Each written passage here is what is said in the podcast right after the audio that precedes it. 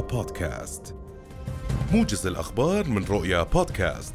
تسبب هجوم شنه تنظيم داعش الإرهابي على معسكر في محافظة ديالى في العراق باستشهاد أحد عشر جنديا عراقيا فجر اليوم. وأكد الناطق الرسمي باسم الوزارة هيثم أبو الفول إدانة واستنكار المملكة الشديدين لهذا العمل الإرهابي مشددا على تضامن ووقوف المملكة المطلق إلى جانب العراق في مواجهة كل ما يهدد أمنه وأمن شعبه. معربا عن أحر التعازي لذوي الضحايا.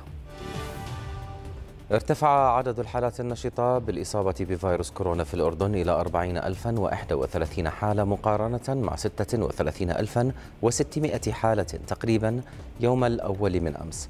وارتفع عدد الوفيات بالفيروس إلى 13043 منذ بدء رصد الجائحة فيما تواصل نسبة الفحوص الإيجابية ارتفاعها لتتخطى 17% أكد رئيس لجنة أمانة عمان الكبرى آه، يوسف الشوار باستمرار توسع خدمات الأمانة نتيجة لاستمرار توسع عمان.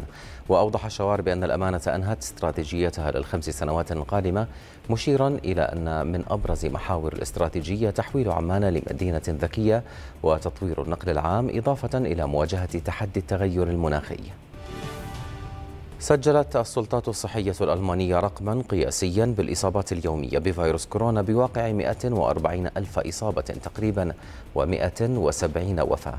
وأظهرت الأرقام والإحصاءات الرسمية للأيام السبعة الأخيرة ارتفاعا قياسيا في وتيرة تفشي الوباء في ألمانيا حيث أصبح متحور أوميكرون السائد في البلاد. أعلنت الولايات الأمريكية المتحدة أن الأجانب الراغبين بدخول البلاد عبر حدودها البرية سيحتاجون إلى التطعيم ضد كورونا وذلك اعتبارا من يوم غد. وقالت وزارة الأمن الأمريكية أن الإجراء الجديد يهدف إلى الحد من انتشار فيروس كورونا في البلاد حيث ستطلب شهادات التطعيم لجميع الداخلين عبر المنافذ البرية. قال موقع طقس العرب أن الطقس يستقر بشكل مؤقت وسريع في المملكة مطلع الأسبوع الجديد لكن كتلة هوائية من أصل قطبي تندفع إلى المملكة خلال الأسبوع. وتكون هناك فرص لزخات من الأمطار في شمال ووسط المملكة تكون ثلجية في بعض الجبال العالية كما يتوقع أن يستمر تأثر المملكة بتشكل الصقيع وتتأثر المملكة خلال يوم الأحد بمنخفض جوي خلال ساعات الليل حيث تهطل زخات من الأمطار في شمال ووسط المملكة لتمتد إلى أجزاء من الجنوب خلال يوم الاثنين.